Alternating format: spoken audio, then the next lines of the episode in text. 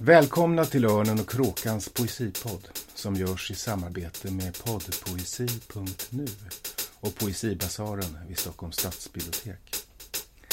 I den här podden samtalar kritiker, poeter och andra om aktuell poesi. Och så läser vi dikter förstås. Välkomna till Örnen och Kråkans poesipodd. Jag heter Magnus William Olsson och idag ska vi för femte året i rad diskutera läget i den svenska poesin. Vanligen så spelar vi in den här podden på det här temat eh, på Poesimässan som brukar äga rum den näst sista helgen i mars i samband med Världspoesidagen och eh, vanligen på Stockholms stadsbibliotek. Och vid den här tiden så har också Örnen och Kråkans årskritiska årskalender, Poesiåret, kommit ut som gör det möjligt att eh, lite få en överblick över den mångfaldighet som, som den svenska poesin är. Poesimässa kommer det att bli också i år, men eh, i september. Och då kommer den att äga rum på det nyöppnade Tranströmerbiblioteket vid Medborgarplatsen. Jag tror att de planerar att mässan ska äga rum både inomhus och utomhus på Medborgarplatsen. Precis som förra året då kritikerna Johannes Björk och Mikaela Blomqvist medverkade i samtalet om den läget i den svenska poesin så är vi nu den här året också hänvisade till att diskutera digitalt. Men det är ju vi alla, också ni kära lyssnare, eh, oändligt enastående, ohyggligt vana vid eh, numera. Med mig för att diagnostisera och samtala om svensk poesi och hur det står till med den och för den Eh, har jag idag två personer. Sebastian Lönnlöv som är författare och poesikritiker på Svenska Dagbladet. Och du Sebastian, du brukar ju också själv, eh, åtminstone har jag sett att du har gjort det två gånger i början av förra året och i början av det här året, sammanfatta det eller reflektera över det, det eh, förlidna poesiåret i en artikel. Eh, och jag, hur, hur, hur, hur brukar du gå tillväga för att för att göra det där svepet? Vad, vad, vad tar du för material? Liksom? Ja, det är ju diktsamlingarna som är materialet eh, och i och med att jag till, i stor utsträckning recenserar just poesi så har jag ju ganska bra koll på vad som ges ut och läser en hel del. Men sen blir det också då alltid att jag sitter och hetsläser diktsamlingar i december och mm. alltid får lite panik och känner att jag måste kolla på det här också och det här också. Eh, för det ges ju ut ganska mycket och det tycker jag att Poesiåret 2020-kalendern också verkligen visar att mm.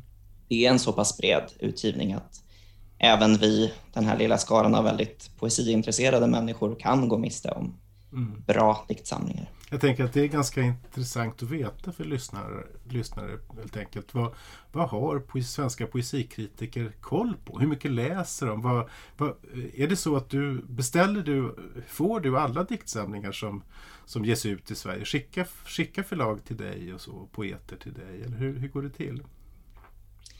I vanliga fall så är det ju redaktionen som skickar till kritikerna av det de har fått in. Sen nu på grund av coronan så är ju inte redaktionerna bemannade. Så då är det mer så att vi kritiker får sitta och beställa själva från förlaget. Och vissa förlag sitter och skickar mm. hela eller en stor del av sin utgivning. Och Andra gör inte det. Så jag som också är bibliotekarie lånar en hel del på bibliotek också till mm. exempel. Så mm. det är från lite olika håll. Mm. Mm. Ja, det där det kanske vi får anledning att återkomma till för att det har varit ett tema under alla de här samtalen, de här fem samtalen, som, eller de fyra tidigare som vi har fört. Det är att det är svårt att få en överblick och uh, säga, fältet är väldigt fragmenterat eh, helt enkelt. Eh, vi får se om vi kommer tillbaka till det igen. med oss är ju också du Edith Söderström som ju är nytillträdd redaktör här på Örnen och Kråkan. Mm. Ehm, och som eh, debuterade som kritiker här förra veckan med en, en recension av Åsa Maria Krafts nya diktsamling. Och dig kommer ju lyssnare och läsare få lära känna mycket mera, både som kritiker och som redaktör förstås. Eh, Men du är ju också eh, musikkritiker.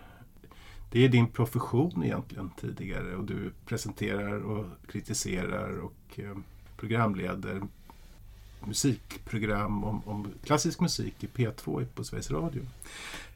Jag tänker så här, eh, du är ju poesikännare sedan länge och har följt poesin men liksom utanför ditt professionella liv eh, som då har varit musiken. Eh, om du jämför lite, det är alltid intressant att jämföra lite olika konstarter. Om du ser på, på poesin utifrån eh, den nutida musiken till exempel.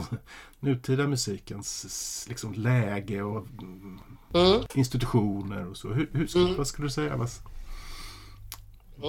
Man kan ju säga så här om, om den nutida musiken att det är lite hårt för mig, alltså det är lite hårt av mig att säga detta, men den för ju en tynande tillvaro i det svenska offentliga samtalet. Det är ju inte en, en, en konstform som tar plats.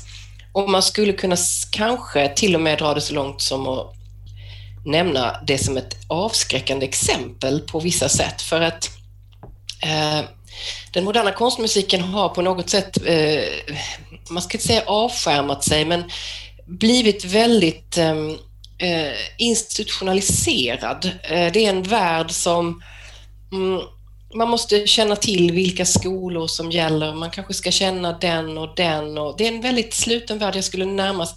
Ja, det finns, man, kotteri är ett starkt ord, men det drar åt det hållet. Och där kanske poesivärlden ska hålla sig lite vaken så att man inte går den vägen för hårt, för det finns ju också paralleller att dra. Eh, särskilt med det här att skrivarskolor har blivit ett sånt, eh, en sån viktig del i, eh, eh för poeter för, för att bli kvalitetsstämplade och nå fram till förlag och utgivning.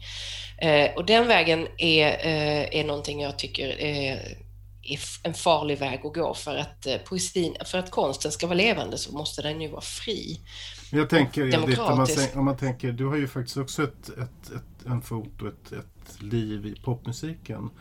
Och Mm. den, eh, när vi har haft de här samtalen tidigare, jag har lyssnat igenom de tidigare poddarna och det har varit ganska intressant att få eh, inför den här. Och då har eh, musiken, popmusiken framförallt, alltså populärmusiken, varit ett exempel just på hur självpublicering eh, och den så att säga fragmentariseringen av eh, vad ska vi kalla det, Mm. fältet och också marknaden har Mm. liksom kommit eh, i, i, och där, där kan man se, där är ju musiken, den delen av musiken är ju verkligen eh, kommer från, belyser poesin från andra hållet. Om konstmusiken då är, är fast i sina institutioner och i sina beställningsstrukturer och allt där, finansieringsstrukturer och så, så är det ju, det är ju liksom eh, och där, Ja, poppen har ju slagit sig fri, men den, den lever ju farligt på ett annat sätt då. Den är ju, det är ju väldigt svårt att göra sig ett liv i den världen eller kunna leva på det och så. Men den är å andra sidan konstnärligt fri och det är en levande konstform på ett annat sätt. Eh, Den, den har inte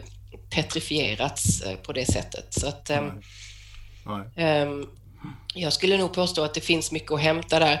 Nu ser man tendenser inom den klassiska musiken, då i och för sig inte så mycket inom modern konstmusik utan just eh, klassiska nyinspelningar, att man går åt det här hållet, att man släpper en, två låtar, EP-format, eh, försöker liksom vara lite mer i tiden och så. Men eh, ja, det är speciella tider vi lever i och, mm, just det här med just det här med det institutionaliserade tycker jag, där, där kan man verkligen se inom konstmusiken, en, det är en slags avskräck, ett avskräckande scenario tycker jag. Mm. Eh, Om poesin också går den vägen. Mm. Ja, Men där händer ju saker å andra sidan. Nu ser man ju att det sker en utgivning på bredare front och att eh, det plockas upp poeter som kanske inte liksom är, har gått exakt rätt väg och sådär. Det, det börjar väl eventuellt luckras upp lite, det är min läsning. Men jag, mm. Ja, vi får se. Vi får se vart vi kommer eh, i, den, i den frågan. Eh, jag, jag har ju eh, för det här samtalet, för att strukturera det här samtalet lite, så har jag bett er att ta med er tre dikter var.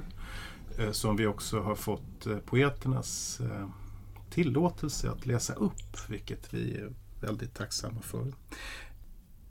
Ska vi säga eh, vilka poeter ni har tagit med er så att lyssnarna vet vad de har att vänta sig? Du Sebastian, vilka, vilka tre valde du? Jag har valt Louise Glück, Caroline Forché och Ann Hallström. Mm, just det. Eh, två amerikaner och en svenska. Mm. Och du, du Edith då, vilka har du valt? Eh, jag ska läsa lite av Erik Lindman Mata och Hanna Reis Lara och eh, Elisabeth Berthold.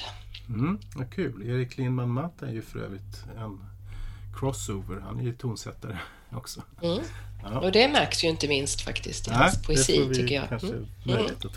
Men jag har också bett er att uh, komma med varsitt perspektiv, en inledning uh, till det här samtalet. Uh, och ge ett, så att vi får en, ett, någonting att utgå ifrån när vi pratar. Och Sebastian, du, kan inte du läsa upp eller säga vad du har vad, ditt perspektiv, ge ditt perspektiv på din ingång till det här samtalet får vi höra. Min ingång eh, är en som också speglas i, på flera ställen i eh, Poesiåret-kalendern och det är ju det här att det just nu inte finns någon dominerande skolbildning utan det är ett ganska spretigt poesifält. Det finns vissa strömningar som ekopoesi till exempel som tar plats men de tar inte all plats eller ens en majoritet av platsen eh, och att det är ett ganska spännande läge och det ska bli spännande framöver att se om det är någon strömning som växer och försvinner, om det blir mer ekopoesi, om det här att det var en ganska riklig queer tematik 2020, om det kommer fortsätta vara så eller om det var en tillfällighet. Och så. Mm, just det. Uh, ja, intressant. Uh, mm. Förlåt, jag avbröt dig. Du ville kanske fortsätta? Nej då, jag var klar. Nej. Nej, det där tycker jag var intressant. Jag, uh, Får jag, spela, jag, jag ska spela upp en liten ljudill här till er. Eh, för det anknyter så till den här... Eh, det första samtalet som vi hade 2017 eh, så, så sa nämligen en av deltagarna, Madeleine Levi, som då var precis nytillträdd litteraturredaktör på Svenska Dagbladet. Hon var med i det där samtalet och hon sa någonting som jag fastnade vid när jag lyssnade igenom det där nu igen. Eh, och det har precis med det du säger att göra. Eh, och det här var alltså fem år sedan, 2017. Man tycker att det är en kort tid, men det kan också vara en lång tid. Alltså Donald Trump hade precis svurits in som president. Metoo hade inte skett. Akademibråket var, inte, fanns inte och så vidare. Det var på ett sätt en, en eh, en, en, annan tid, ändå fem år sedan. Så här, så här, lyssna nu på vad Madeleine Levi sa där. Jag tror att det kommer bli ännu mer av en long tail, ännu mer fragmentariserat, ännu mer eh, olika uttryck, olika personer som får eller som helt enkelt tar sig rätten att publicera sin poesi. Det tycker jag är någonting fantastiskt. Eh, jag är ju samtidigt intresserad av genomslag och av att poeter eller människor som skriver poesi, jag vet inte var den där gränsen går riktigt, men eh, ska kunna, om inte leva helt och hållet på det de gör, men någonstans så tycker jag att det ska finnas en försörjningsmöjlighet.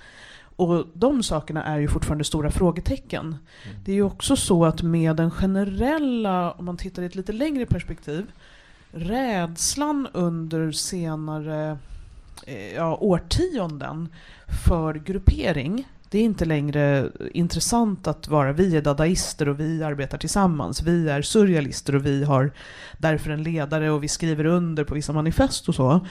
Eh, det å ena sidan förstår jag innebär en stor frihet, men jag tror också att det har försvagat poeternas roll i samhället. Den här rädslan för att kallas för ekopoet gör också att man får en mindre politisk och medialt genomslag för att, som det gamla ord, tillsammans är vi starka någonstans. Och där kan jag eh, samtidigt känna att fragmentariseringen eh, kanske har sina risker, särskilt i politiskt väldigt skrämmande tider. Mm. Så det skulle nog även behövas nya förenande element. Sen kanske inte de ska vara samma som de gamla. Men jag hoppas nog på nya förenande element i det här nya Mm. ja, landskapet för poesin. Ja, igen, det där förenande element. Du, du, du nämnde precis som hon, Sebastian, eh, ekopoesi som en möjlig sån. Ser ni, hur skulle... För det första kan man fråga sig, hade, har hon rätt, Madeleine, där, att eh, po- poesin förlorar i kraft medial eller samhällelig eller betydelse i, i sin, att dess ställning försvagas i, i och med fragmentariseringen och eh, Tror ni att, eh, vad skulle det kunna vara för samlande krafter som förenade element, förenande element? Som, som, vad ser ni framför er? Vad menar hon med fragmentis- fragmentariserade här? Menar hon, Hon menar just det där att- utgivning Ja. eller i själva tematiken? Ja, att det, att det är liksom många, massor med små nya förlag, det är allt som publiceras på nätet, det är hela fältet liksom fragmentariseras. Och mot det sätter hon ju de modernistiska eh, skolbildningarna så att säga. Mm. Vad, vad, vad tänker ni om det? Liksom? Finns det något Ja, sånt? spontant håller jag kanske inte riktigt med ändå. Jag tror på eh, ett flödande mångfald just som en motrörelse mot ett allt, en allt för lång tid av en slags eh, modernistisk hegemoni. Jag vet inte riktigt om jag, jag... Jag nappar inte på det, men jag vill gärna höra vad ni andra tänker. Ja, jag tänker lite apropå ekopoesi som ju kanske främst ändå hittills har varit någon form av naturlyrik. Men vi har ju också haft en bitvis ganska häftig utgivning av mer politisk poesi, även om den hittills kanske mer har varit översatt än originalsvensk. Och ska man se på vad som får medialt genomslag så är väl politisk poesi något som skulle ha lättare att få det. Men det är också ett spännande läge där vi har scenpoeter som börjar publicera sig mer i bokform. Där frågan är, vad blir scenpoesi i bokform? Men det är också ett uttryck som har haft mer politiskt innehåll. Eh, Och det kanske också kommer påverka poesin i den riktningen. Mm. Ja, där har vi intressanta teman. Um, Edith, ska du berätta ditt, du ditt perspektiv också så innan vi vecklar in oss för långt i det specifika? Men jag väljer att nämna, alltså när jag nyligen var, för, för några veckor sedan, var inne på Söderbokhandeln och pratade lite med personalen där och då sa de att det har hänt väldigt mycket på de senaste åren, vilket ju är väl känt, men att det nu för tiden inte är samma grupp som kommer och köper poesi hos dem längre, utan att det har verkligen föryngrats och det är mycket, mycket bredare och spretigare. Och det är ju goda nyheter får man ju ändå säga. Um, så att ja, det är ju uppenbart att det har hänt mycket under de senaste fem, sex åren. Ehm, men också intressant det du säger Magnus om att just för fyra, fem år sedan så befann vi oss i en annan tid. Det har man glömt att reflektera över hur mycket som också har hänt i världen eh, på den här korta tiden. Men vad jag, eh, när det kommer till poesin så eh, så håller jag med Sebastian om att det har skett, det, 2020 är ju ett år som spretar åt många håll. Det är en, en brygd som, som, som är, är inte så enhetlig. Eh, Men det är också roligt. Ehm, ja, de här, den här omsorgsfulla utgivningen på mindre förlag konkurrerar ju nu om de starkare rösterna. Det är ju inte bara de stora förlagen som har den bästa poesin. Och eh, de teman som jag har sett som eh, övergripande, det är, jag har skrivit att jag utelämnar miljö och klimat, alltså eko, för det är ju starkt på frammarsch. Men den självutlämnande biografiska dikten är ju en, en, en stark eh, kandidat och, och därför har jag också valt att senare prata om Erik Lindmans eh, Matas Pur. Och hett queer sex har ju också varit ett starkt tema. Och, eh, och så har vi den kvinnliga erfarenheten som fortsätter att vara eh, eh eh, återkommande. Eh, inte minst då Elisabeth Bergtrolds senaste modersmyter. Eh, och det har ju hållit på länge, men det verkar inte klinga av, har jag läst. Så läser jag eh, Poesi-Sverige just nu. Ja, intressant. Det, det, det, jag håller ju förstås med er på många i, i, i det ni säger. Att dels är det ju så att säga om man läser all svensk poesi som jag gör i stort sett. Alltså det ges ju ut ungefär 400 diktsamlingar om året.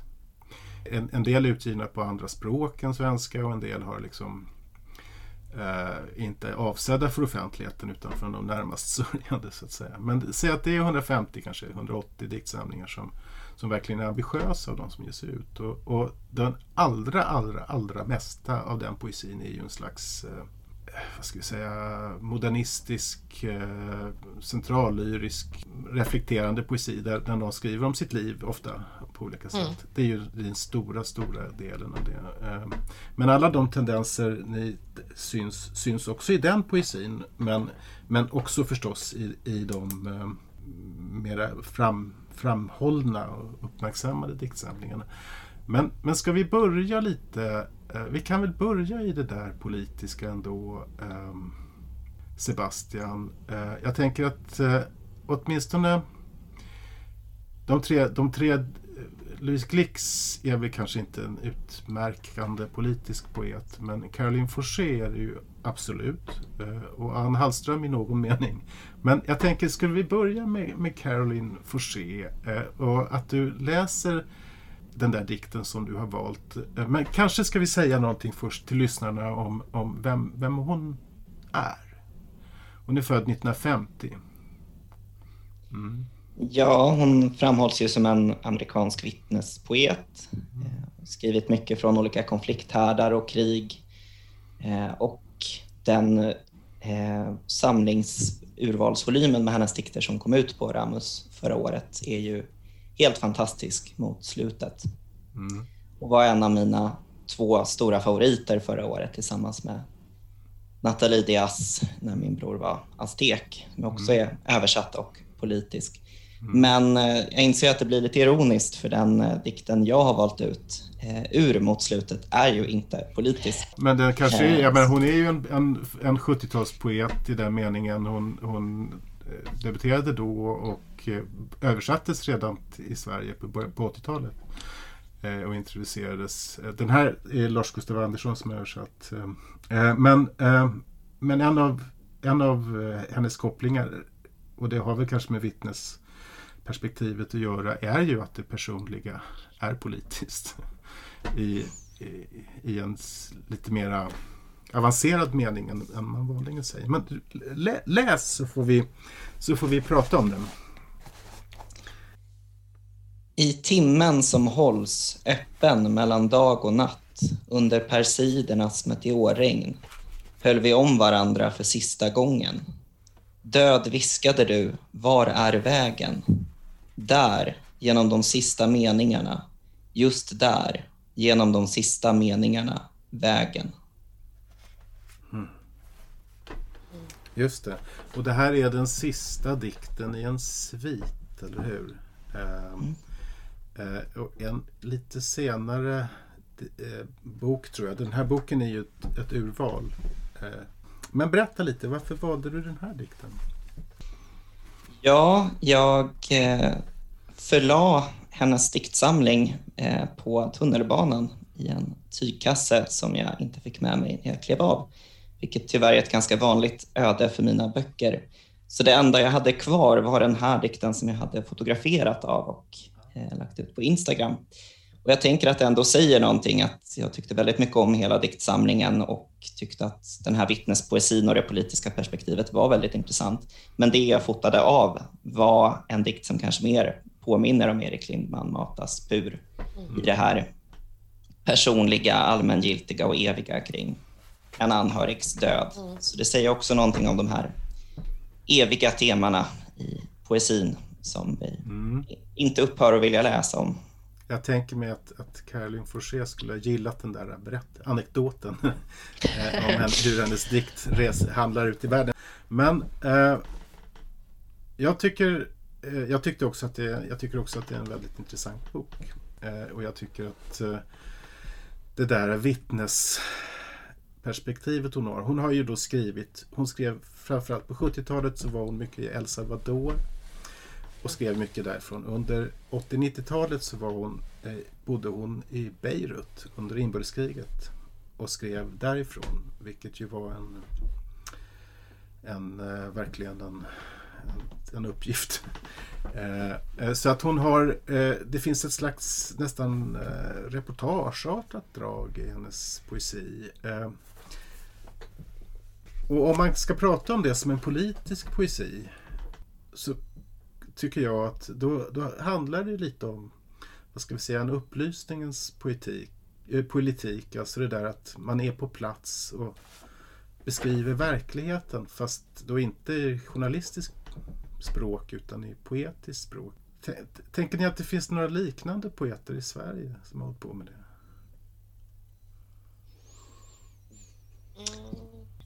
Jag kan inte på rak arm komma på någon som Eh, är just i den reportageskolan, inte i dag levande i alla fall. Men jag tänker också mycket att det Forsé gör är ju det här att visa i poesin vad människor är beredda att göra i de här krigssituationerna, liksom bottnen i oss och att det är mörkret vi rymmer. Och det kan vi få via nyheterna också såklart, men det händer ju någonting annat när det vad? blir poetiskt. Vad är det som händer? Vad är det andra som händer? hon anknyter ju eh, både tematiskt och i, i själva den här vittnespoesigenren till det som har skrivits om andra världskriget, förintelsen till exempel. Det blir ju ett sätt att levandegöra eh, det här mörkret i människan. Inte bara att det är någonting vi ser på nyheterna och sen kan vi stänga av tvn, utan att när vi läser de här dikterna så går vi ju in i det kanske ännu djupare. Ja, och det bryter också igenom på något sätt den, eh, vad ska man säga, eh, den vanemässiga, det vanemässiga sätt vi har att ta till oss en sorts verklighet. Poesin har ju en förmåga att slå sönder det och hitta vägar in. Därför, är, med språkets hjälp. Det är det som gör det så mäktigt ju. Mm. Men är inte hon ganska unik på någon slags världsbasis med sin metod? Eller vad säger du Magnus? Ja, det, det, vet jag inte. Alltså det är klart att, att hon har den här så att säga, uttryckligen eh, reporterpoetiska mm. perspektivet. Ja, det är möjligt att det är ganska ot. Men jag mm. tycker att själva tillvägagångssättet att använda poesin som ett... Um, där tycker jag att det finns en hel del lik. Jag tänker till exempel på just på Åsa Maria Kraft som du skrev om mm. Edith eller, eller Gunnar D Hansson att man så att säga tematiskt undersöker en använder poesin som ett annat sätt att tala mm. om eh, och, och, undersöka ett, ett eller annat. På något sätt. Det, det, I den meningen så är hon ju, mm. är hon ju eh, ganska... finns det ju flera poeter som arbetar på det sättet eh, förstås. Att skriva fram vardagen på något sätt genom, i, i, i poesin, det är det. Det tyckte jag jag fann hos Åsa-Maria Kraft, att hon kan berätta om det mest, det mest alldagliga och plötsligt få fram en annan sanning om det alldagliga som var otroligt överväldigande, tyckte jag. Mm. Och samtidigt som den ju är, den boken är, är sammanhållen.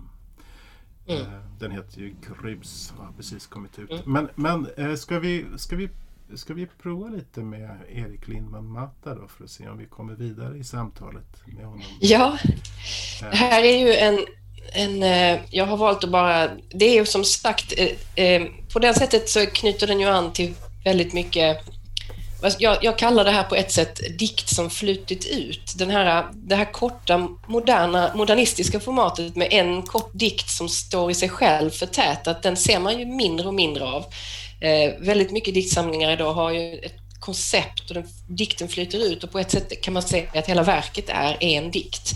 Eh, och Marta sällar sig lite, han ligger någonstans mitt emellan där. Han skriver dikter som på ett sätt kan plockas ur texten men allting byggs också, sitter också ihop i en enda stor intertextuell klangmassa på något sätt. Vi säger någonting om honom också bara så att vi, det, han, han eh, Erik Erik att han är född 1992 Ja. Han har just han har, eh, han har gått på Gotlands tonsättarskola, han har läst eh, komposition på Musikhögskolan i Stockholm. Eh, och eh, han debuterade med den här boken som heter mm. Pur mm. förra året.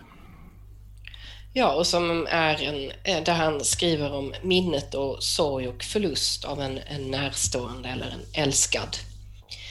Eh, och jag kommer läsa en, en del här som, som väldigt fint får fram det liksom vardagliga och som plötsligt också visar på den här avgrunden som hela tiden ligger, i, ligger och lurar i texten.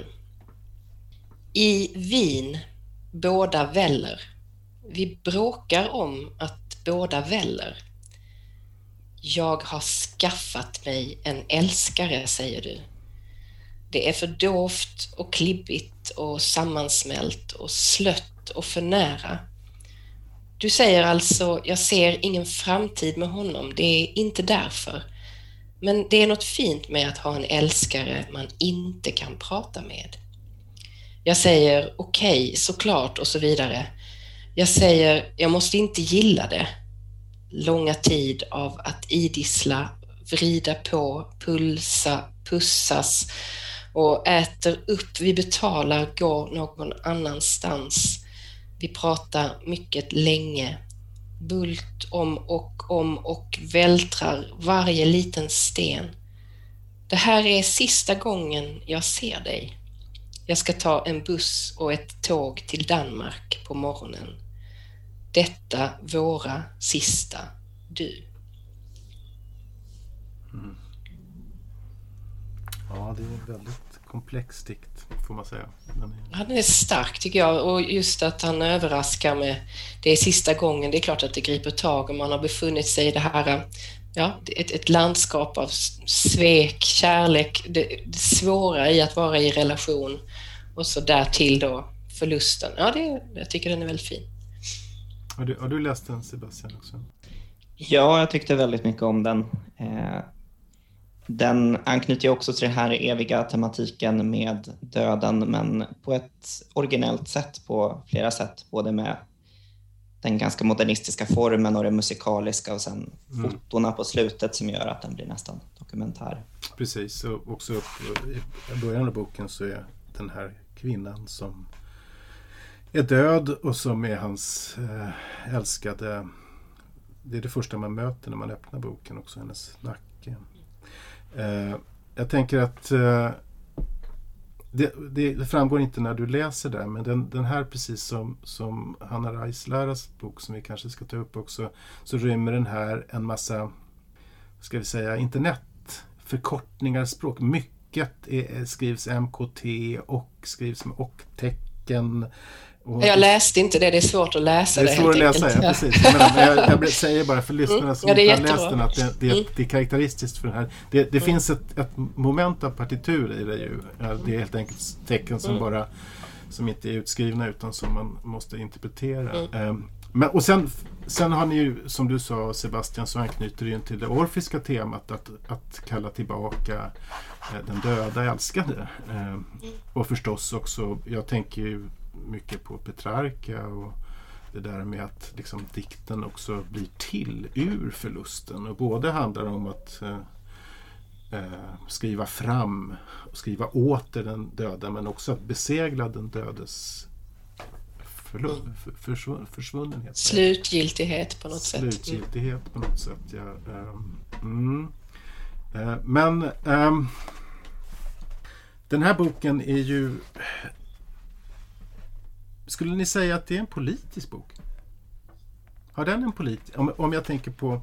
Den är ju sammanhållen precis som... Eh, den är ju konceptuell på ett sätt och den liksom säger någonting om... Den är existentiell men är den också politisk?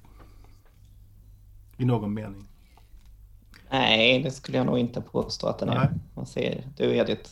Nej, jag upplever den som väldigt intim och privat och inte så politisk.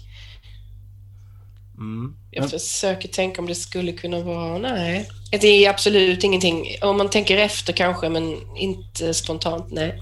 Men vad är det som gör den här, att den här boken inte är politisk, men Caroline Forssés är det? Är det för att hennes... Hon är också privat och personlig eh, i sitt sätt att skriva. Det är bara det att hon, hon placerar sin dikt i en annan kontext. Så att säga. Det är ju ja, men genom det belyser hon ju system och ja skillnader och, och, det gör man inte här. Här befinner man sig bara i en relation som mm. ska försvinna. Mm. Det, är idel, det är väldigt nära, nära mm. hållet. Mm. Jag tänker att apropå det där politiska, ett, ett, annat tema som har gått igen i de här samtalen under de här fem åren med de fyra tidigare samtalen är just frågan om, om det politiska och eh, i förhållande till eh, Eh, det mediala och digitala. Alltså en tanke som på något sätt kanske inte uttalas men som ändå artikuleras gång på gång i samtalen är att eh, vi har ju i, i Sverige eh, sedan länge, sedan 150 år nästan, en, en väldigt stark tradition inom konsten att eh, vara kritisk, att konsten är kritisk. Alltså det som föddes på 1880-talet med Georg Brandes och det som kallas för kulturradikalism.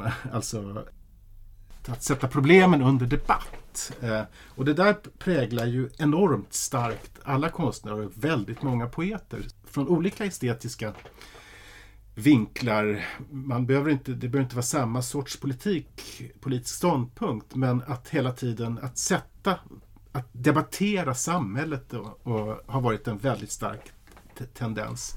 Men eh, en tanke som har funnits i, i, våra samtal under de här fem åren har varit att på ett sociala medier så håller man på och debatterar hela tiden frågeställningar och samhället.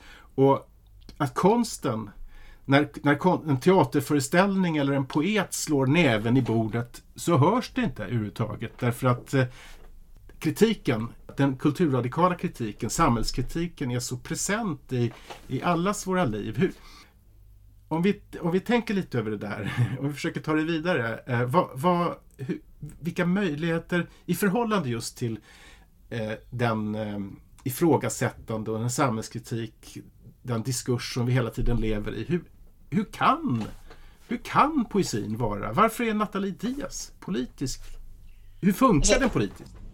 Tänker man som du nu här, och jag tycker det är en jätteintressant ingång, så är ju då eh, Lindman Mata politisk i det avseendet att han är apolitisk. Alltså, han gör, det är en motståndsrörelse i den bemärkelsen att han vägrar infinna sig, han skriver det han vill och han eh, tar avstånd från det, det, vad ska man säga, det, det talande rummet som är sociala medier. Han går sin väg. Så kan man ju också se det såklart. Att det finns en, en eh, all, all konst är politisk eh, i, även när den är icke-politisk på så sätt. Mm. Mm. Så är det ju förstås. Eh, eh, eh vad säger du Sebastian? Är du liksom... du du, du talade ju lite för, för till exempel Nathalie Diaz som en av dina stora upplevelser. På vilket sätt? Ja, det som fick Nathalie Diaz att skilja ut sig från, från den stora mängden av politisk poesi som ändå kommer, det är att hon är så absurd och har så mycket humor och gör någonting betydligt mer komplext än att sätta problem under debatt. Och det är där den politiska poesin kan ha en svaghet, att den för mycket stannar kvar i debatten och för lite gör någonting som är estetiskt spännande. Det finns ju fler exempel ur förra årets utgivning som Fatima Ashkar som de vänder sig mot oss. Koleka Petumas kollektiv minnesförlust som ju också verkligen tar avstamp i trauman eh, som både poeterna själva och en större grupp delar. Både när det gäller queerhet och rasism och eh, så. Men Nathalie Diaz, eh, ja, det, det, var någonting där som verkligen stack ut mm. i skildringen av att eh, bland annat ha en anhörig med missbruk. Och, ja, men det är nästan en magisk realism i det. Mm. Och rolig. Det finns inga gränser. Ja.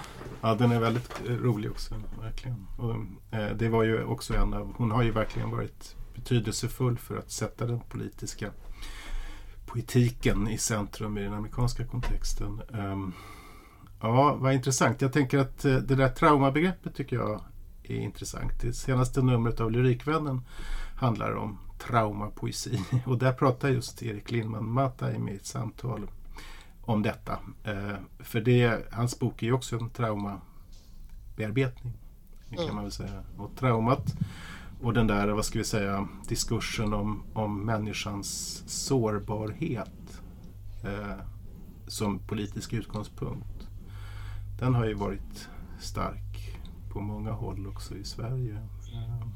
Det finns ju också etiska frågor att ställa sig kring det här att göra konst av sin sorgebearbetning och utlämna så pass mycket som han gör med fotografier och så. Ehm, jag tycker ändå att han håller sig på rätt sida skranket men jag förstår att det har ställts frågor kring det för det är ju också ett eh, utlämnande. Ehm, mm. Och eh, av en person som inte har någon talan då längre. Mm. Eh, eh, har du lust att, att läsa Ann Hallström? För att den, jag tänker att den boken kanske är intressant i, i det här sammanhanget. Ann Hallström är ju född 1970. Det här är hennes, eh, vad blir det, sjätte, femte bok. Hon debuterade 2000 med en mycket speciell, lite genreöverskridande diktsamling som heter Det är en frånvaro av steg som knastrar. Hon är också översättare från, från franska framförallt. Eh, men hon kom förra året efter åtta års frånvaro tillbaka med en diktsamling som heter Enet. Eller Ennet. Eller hur man nu ska säga. Och du har valt en dikt ur den. Ja, jag kan börja med att säga att eh, Enet innehåller sviter av ganska olika form och också lite olika innehåll. Och det finns särskilt en svit som har definitivt för en politisk diskussion kring hur man som författare förhåller sig till världens våld och så. Men den här dikten gör inte det på något lika tydligt sätt i alla fall. Dimmor sveper in över haven. Halvtoner håller mig vaken på randen till stavelserna. Inom står tiden stilla, sprättar drömmar i bröstet. Det mesta sitter i kroppen. Mardrömmar, besvärjelser, en navel att vila mörkret i. Mm. Det här är, den här är ju ur den första sviten. Den är fem sviter den här diktsamlingen. Ehm, och de är som sagt var väldigt olika. Den här är väl just eh, en, mycket handlar i boken som du säger om, om eh, att jaget och världen kanske man kan säga. Att, eh, på ett sätt. Eh, jag tänker att eh, tiden går så fort här så att jag skulle vilja att du också läste en dikt till, eh, nämligen Hanna Reis Läradikten. Edith. Ja. Så kan vi prata om dem tillsammans. Det här är en kärleksdikt, tro det eller ej. Um, vad jag tycker är roligt också med den här diktsamlingen är att den eh, i språket så är den ju, har den ju någonting väldigt mycket ungdomsspråk över sig och den försöker inte förställa sig utan pratar väldigt rakt och, och fritt. Men i till formen så är det verkligen old school dikter som är liksom på en och en halv sida och som står i sig själva. Och det är lite roligt. För med titel ofta. Ja, med titel. Mm. Och motsatsen heter den här. Jag har sett min framtid, dina armar runt mig alltid. Jag är märkt och folk märker det. På sommaren mest och i omklädningsrum. Det är ingen hemlighet. Det generar folk, jag vet. Jag tar emot, du ger. Jag har höga krav, du fyller dem. Korta naglar, långt hår. Jag har varit ren länge, men du tänder mig upp, ringar på fingrarna, fjärde fingret inuti. Du har mig lindad runt om. Du är snäll men du är kaxig. Du är hård när jag är krånglig, visar nåd när jag är lydig. Jag är din och du är tydlig. Du är toppen när jag är på botten. Uff. Skönt att ha någon som har det man själv saknar. Du har mig, ta mig, vi kompatibla. Skönt att ha någon man saknar så fort man vaknar. Långa ensamma timmar varje tidig morgon. Jag tänker på dig och jag är klarvaken. Baby, du gör mig galen. Och motsatsen. Mm. Just det. Eh, precis, hon har ju ett, ett väldigt talspråkligt språk. Eh, det syns ännu mer på sidan än vad det hörs eh, förstås. Ja, och det är rimmar och det är liksom um, det är liksom leker med tonårsidiomet på något sätt. Som är, mm. det, är både, det kan vara både utmanande tycker jag och befriande. Eh, det är bara roligt att få någonting som bryter av lite. Det är någonting med den här diktsamlingen som, den har ju fått väldigt fina omskrivningar också, men den är, den går igenom faktiskt. Mm. Mm. Den skriver också om väldigt många olika saker, om kärlek och om antisemitism inte minst, som den som hon upplever. Ja, och uh, om före detta missbruk och om bakgrund och arv och sådär. Ja, mm. Rik.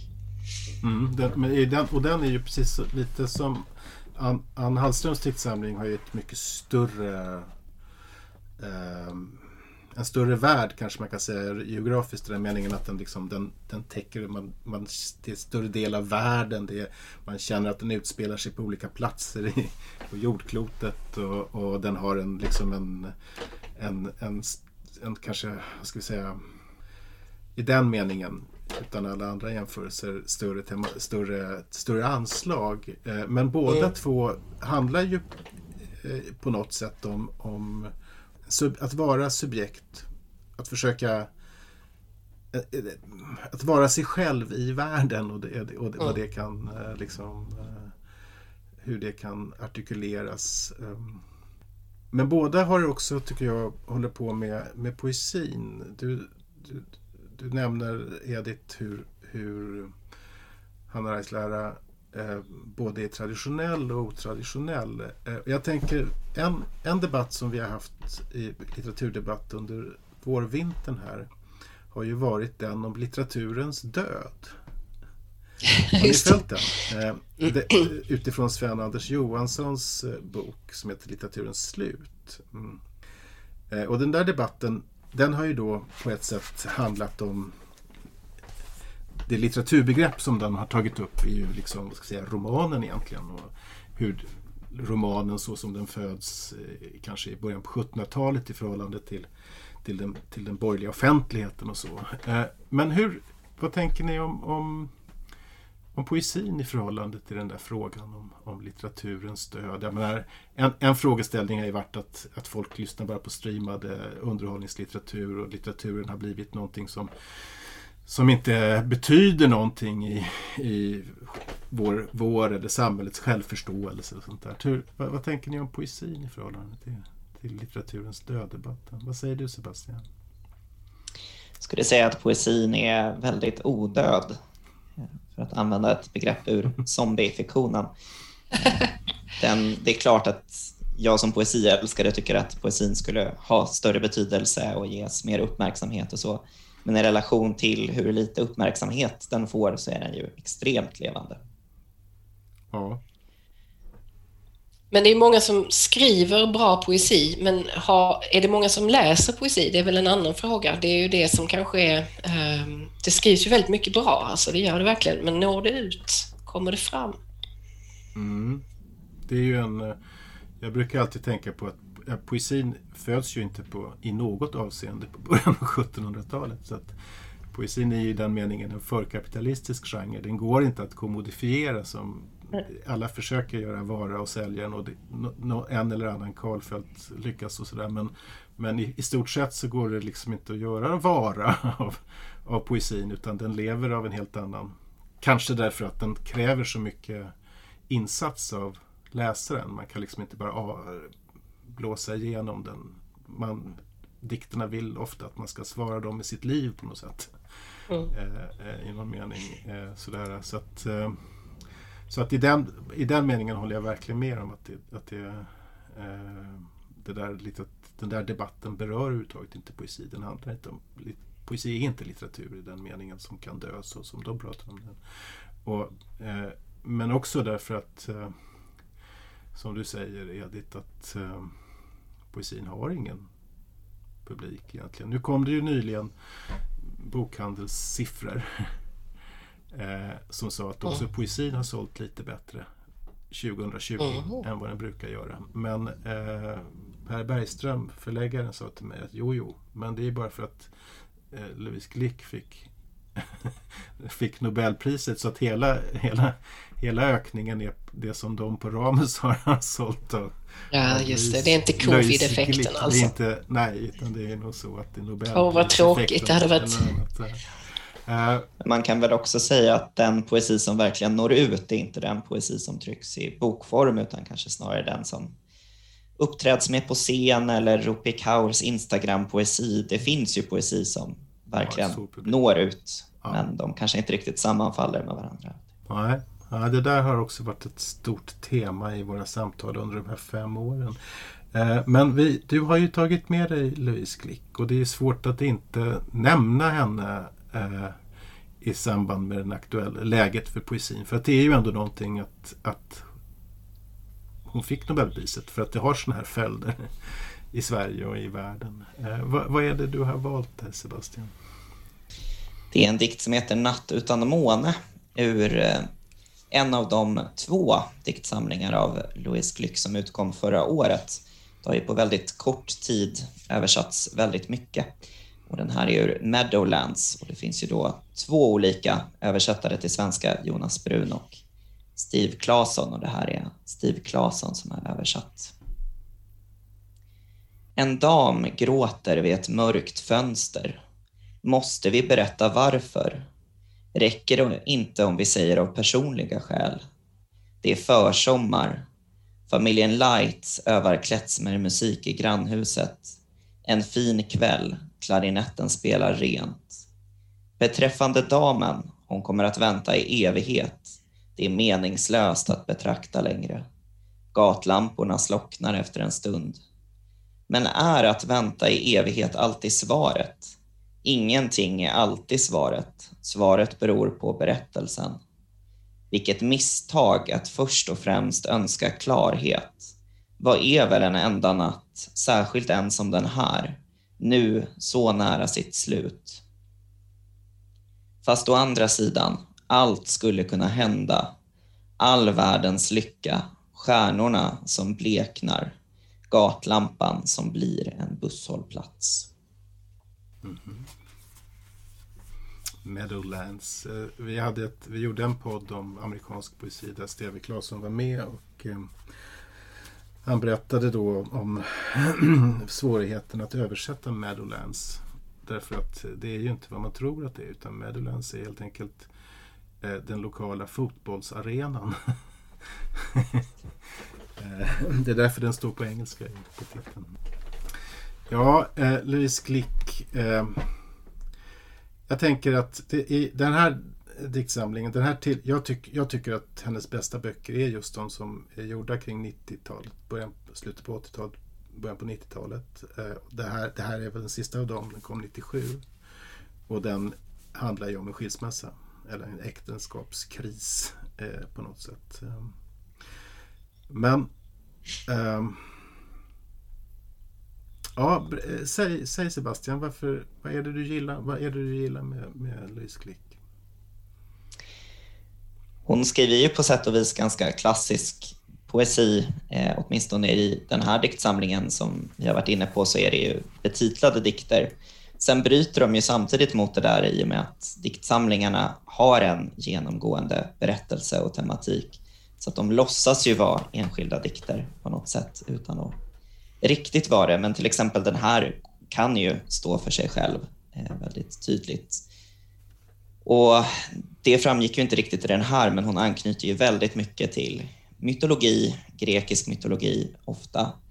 Och i Meadowlands så är det ju Odysseus och Penelope som blir eh, någon slags bild för den här äktenskapliga krisen. Jag tycker att hon lyckas sy ihop det klassiska och det moderna på ett mm spännande sätt. Både stillsamt och någonting som verkligen händer under ytan. Jag tycker också hon är så fenomenal på att eh, både vara i stämning och skapa ett eftertänksamhet och innehåll. Det är det och hon gör det lite sömlöst så att man inte riktigt, man blir lite trollad när man läser det. Man märker liksom inte förrän i efterhand att man har tagit del av någonting som väckte tankar. Det, det är väldigt elegant. Mm. Mm. Och det där sättet att, eh, jag tänkte vi ska få in också Elisabeth Berthold i det här för att hon är också mytolog. Eh, och eh, jag tänker på eh, Louise Glick. Hon är ju på ett sätt... Vissa har ju sagt att varför fick Louise Glick och inte Anne Carson priset? när Anne Carson ju är, eh, hennes förhållande till det mytologiska är ju liksom oerhört raffinerat och Louise Glick är, jag menar, man skriver om en äktenskapskris och vad gör man då? Ja, då tar man liksom Odysseus, Penelope och Telemakos. Det är liksom, och man har då, man eh, skiljer sig från sin snubbe och har en, en, en son som man tycker är jobbigt. Och så gör hon ofta. Hon gjorde det sen, hon gjorde det tidigare diktsamling med Hector. Hon, hon, hon tar liksom en mytologisk matris som hon liksom lite sådär. Eh, Medan ju Anne Carson ju är grecist och, och, tolkat tolkar myterna på ett, på ett annat sätt. Eh, men jag håller verkligen med om att det finns någonting eh, jag tycker att det är svårt att sätta fingret på. Alltså jag har, jag har läst henne väldigt länge och jag har ofta känt att när jag själv har skrivit att fuck, det här blev ju en Louise Glick. Som, som någonting lite... Eh, som någon, lite hon är, det är så jävla bra liksom. Det är så jävla rätt och det är så jävla liksom sådär. Eh, men jag håller verkligen med om det, att hon har någonting troll. Det finns något vardagligt och samtidigt gåtfullt. Och det är både, ex, det är både liksom utlämnar sig, dikten utlämnar sig och behåller sig på något sätt. Eh, mm. På något fascinerande sätt. Och så, det är ju någonting med den där eh, liksom mytiska matriserna, antingen grekisk eller ibland eh, biblisk, eh, som hon använder. Det finns, det, det är ett sätt, men det är ett sätt som funkar. Ja, och sen är vi ju så präglade av den amerikanska världen också i hur vi lever och allt vi tar in och, och, vi har ju nästan ett mytiskt förhållande till den också så att kombinationen av det amerikanska landskapet och eh, grekisk mytologi blir ju också, eh, får ju effekt. Det kan man ju tycka vad man vill om att vi är så influerade men det tror jag inte man kan bortse från heller riktigt. Nej, nej. Eh, vill, du, vill du läsa den där eh, Elisabeth eh, ja. dikten också så att vi får med mm. den som ju också mm. Jag har faktiskt, för att, här kommer vi till en diktsamling Modersmyter som faktiskt är för mig en enda lång dikt, även om den är uppbyggd i sviter och underavdelningar så, och att den handlar om olika saker inom detta så är det för mig ändå ett verk. Eh, det är väldigt svårt att lyfta ut någonting ur den. Så att jag har faktiskt eh, lite så här eh, vad ska jag säga, blasfemiskt tagit eh, från lite olika platser i den, två olika strofer som jag tänkte läsa upp. Eh, hon skriver ju, eh, vad ska jag säga, om moderskapet och hur moderblivandet och, och hon väljer olika ingångar på det och hon berättar också om relationen mellan mödrar, mormödrar, döttrar. Ja, dikten, boken har ju faktiskt ett person, inleds med ett personregister. Mm. Eh, som det, att, ja, det är liksom, det, ja. det är dotter, eh, det är eh, huvudperson. Mamma, mormor, dotter. Ja, fyra generationer. Fyra generationer, mm. ja. Mm. Men eh, då som en, ett exempel här, så hon, jag, jag läser och så gör jag en liten paus emellan så att ni förstår att jag har tagit från olika platser. Bränn bort, skär ut, hacka, knulla det gula jolmiga varet ur modersbölden, svaghetsbanden. I bäddsoffan är det svalt om lakanen, lensträvt. Du löser korsord, fingrar på örngottsbanden, på mitt hår, smeker över huvudet. Din hand luktar lök och dina armar är len-lena, hulliga. Trycker foten mot mormors magen. Jag tycker det här är otroligt eh, starka bilder faktiskt. Eh, och hur hon kontrasterar det här och hur hon väver samman hela det komplexa eh, modersblivandet. Eh, mm. Otroligt fin diktsamling. Mm. Du skrev ju också om den eh, Sebastian i Svenska Dagbladet, eller hur? Ja, och du lyckades verkligen fånga där i dina utdrag hur olika de olika sviterna är också. Ja, det är Men då sitter de ihop, tycker jag. Jag tycker verkligen hela verket sitter ihop som en smäck. Men den handlar ju om ett... Jag uppfattar den som att den rör sig i ett... Eh, I, det, i någon slags liminalt eh, Eh, i, i, i slags mellan alltså den där det, distinktionerna mellan mamma och moder och mormor och sånt där, eh, de löses upp på många sätt. Eh, också distinktionen mellan Gud, gudinna och, och, för det finns ju också gudinnor med, eh, framförallt och, och gränsen mellan djur och människa. Eh, hon, hon skriver om Artemis eh, som, som ju Sappho vackert kallar hjortjägarjungfru. Eh, men, eh, och hon skriver om det där eh, förhållandet mellan djur och människa. Men det där, jag tycker att det där är intressant därför att eh, man skulle kunna läsa den här, den här bokens ur, ur ett vad ska vi säga, perspektiv där man ställer eh, essentialism, det essentiella mot, mot den sociala konstruktionen eller sånt där. Eh, och att det här skulle vara en slags, man, man tänker sig att det här blir en slags biologistisk något sånt där eh, perspektiv. Och så är det ju inte alls i boken. Är absolut alls, inte. Inte alls det så enkelt. Men, men jag tycker ändå att det är intressant att hon, att hon upp upprätthåller sig vid skillnaden som plats, eller vad ska jag säga, den här skillnaden som, som sådan och inte som distinktion bara. Utan det är någonting, eh, det är någonting, eh, det är liksom snittet mellan, mellan kategorierna som hon är ute efter. Håller ni med mig om det?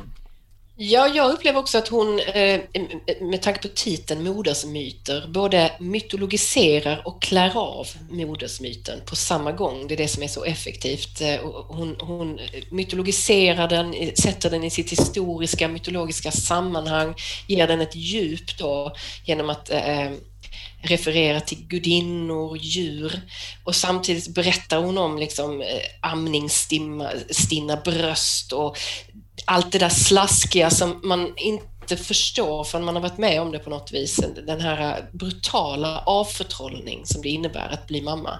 En fullkomlig avförtrollning, i alla fall min erfarenhet. Jag kände igen mig otroligt mycket i det här. Mm. Med det sagt, jag säger inte att man måste vara kvinna för att förstå den här diktsamlingen, men för mig personligen var det väldigt eh, nära. Det gick under huden apropå ekopoesi som vi var inne på i början så tycker jag att modersmyter är mer intressant som ekopoesi än mm. många av de uttalat ekopoetiska verken. Just med den här upplösningen mellan människa och djur. Och, mm. ja, det är väldigt mycket spännande som händer där. Mm. Hörrni, jag ska, vi ska snart sluta och jag skulle vilja ställa en sista fråga till er eh, som gäller som återknyter till eh, det som vi sa i början och som Madeleine Levi talade om eh, när hon eh, ta, eftersökte förenande element i poesin. Vad, om ni tänker er Eh, fem år i tiden när vi sitter och pratar igen. Vad, vad tänker ni har... Vad, vad, vad tror ni och vad hoppas ni har, har skett med läget för den svenska poesin? Vill du börja Edith? Åh, oh, jag tänker mig att... Ähm, att ähm, för, ja, jag tänker mig att äh, det ska få... Mm, att poesin blir modigare på det sättet att... Eller att den fortsätter på den här inslagna vägen där eh, mycket får finnas samtidigt. Att vi kan få lov att ha en väldigt förlagsgenomarbetad, otroligt eh, högoktanig eh, poesi, eller med extremt hög verkshöjd. Men att också det andra eh, får lov att finnas och växa och att man kan dela rum lite mer kanske. Att det inte blir så eh, uppdelat. Någonting sånt. Det här är en svår fråga. Mm. Men ja. Mm. mm. Vad säger du? Jag tror inte så mycket för jag har lite som princip att inte gissa för mycket framåt. Men jag hoppas att den här spretigheten kommer att bestå. Att det inte kommer bli någon ny sammanhängande skola som tar över och att de här små eh, förlagen som ger ut så mycket bra poesi kommer att överleva, men att de stora förlagen också kommer fortsätta ge ut poesi och inte lämna över det till småförlagen. Så jag hoppas på fortsatt levande spretighet. Mm. Mm. Ja, jag får väl helt enkelt vidimera och, och, och hålla med. Men eh, tack ska ni ha. Nu har ju vi kommit till slutet. Tack Sebastian och tack Edith och tack alla poeterna förstås som gav oss rätt att läsa upp era dikter och översättarna. Eh, eh, det är ju alltid så att om man ska försöka summera någonting så så gör man precis tvärtom mot det vi hoppades nu. Att man, man reducerar och syntetiserar och, och skapar en bild. Eh, och, men jag tycker ändå att vi har lyckats eh, förmedla att eh, det är väldigt spretigt och väldigt stort mm. och överblick, oöverblickbart på ett sätt. Och att det är en, att det är en, en styrka. Eh, nästa podd ska vi, om allt går som jag tror, ägna eh, Hjalmar Gullbergs poesi. Eh, med anledning av att Norstedts förlag återutger hans samlade dikter. Och det där med att Gullberg återutges är kanske också ett uttryck för läget i den svenska poesin och eh, om hur vi skriver om historien. Eller eh, hur historien eh, är levande för nuet. Eh, men jag ska sluta den här podden med att läsa en dikt som är ännu äldre än, än Hjalmar Gullberg eh, och som eh, inte heller, den är inte ens svensk på något annat sätt än att jag häromdagen prövade att översätta den som ni snart ska få höra. Eh, men med sina hundra, över hundra år på nacken så tycks mig den här dikten säga något ovanligt uppriktigt om läget för poesin i Sverige och på många andra håll idag. Tack för idag. Tack Edith. Tack Sebastian. Här kommer Cesar Vallejos Massa. Efter kampen, när kämpen var död, närmade sig en man honom och sa Dö inte. Jag älskar dig så. Men ack, den döde fortfor att vara död. Två till kom fram och upprepade Lämna oss inte, var modig, återvänd till livet. Men ack, den döde fortfor att vara död. Tjugo, hundratusen, femhundratusen kom och klagade så mycket kärlek och ändå så maktlös mot döden. Men ack, den döde fortfor att vara död. Miljontals slöt upp kring honom med en samfälld bön. Broder, bli kvar hos oss. Men ack, den döde fortfor att vara död då slöt all jordens människor upp kring mannen. Den döde såg på dem, sorgsen, gripen och reste sig långsamt upp. Omfamnade den första som kommit fram och började gå.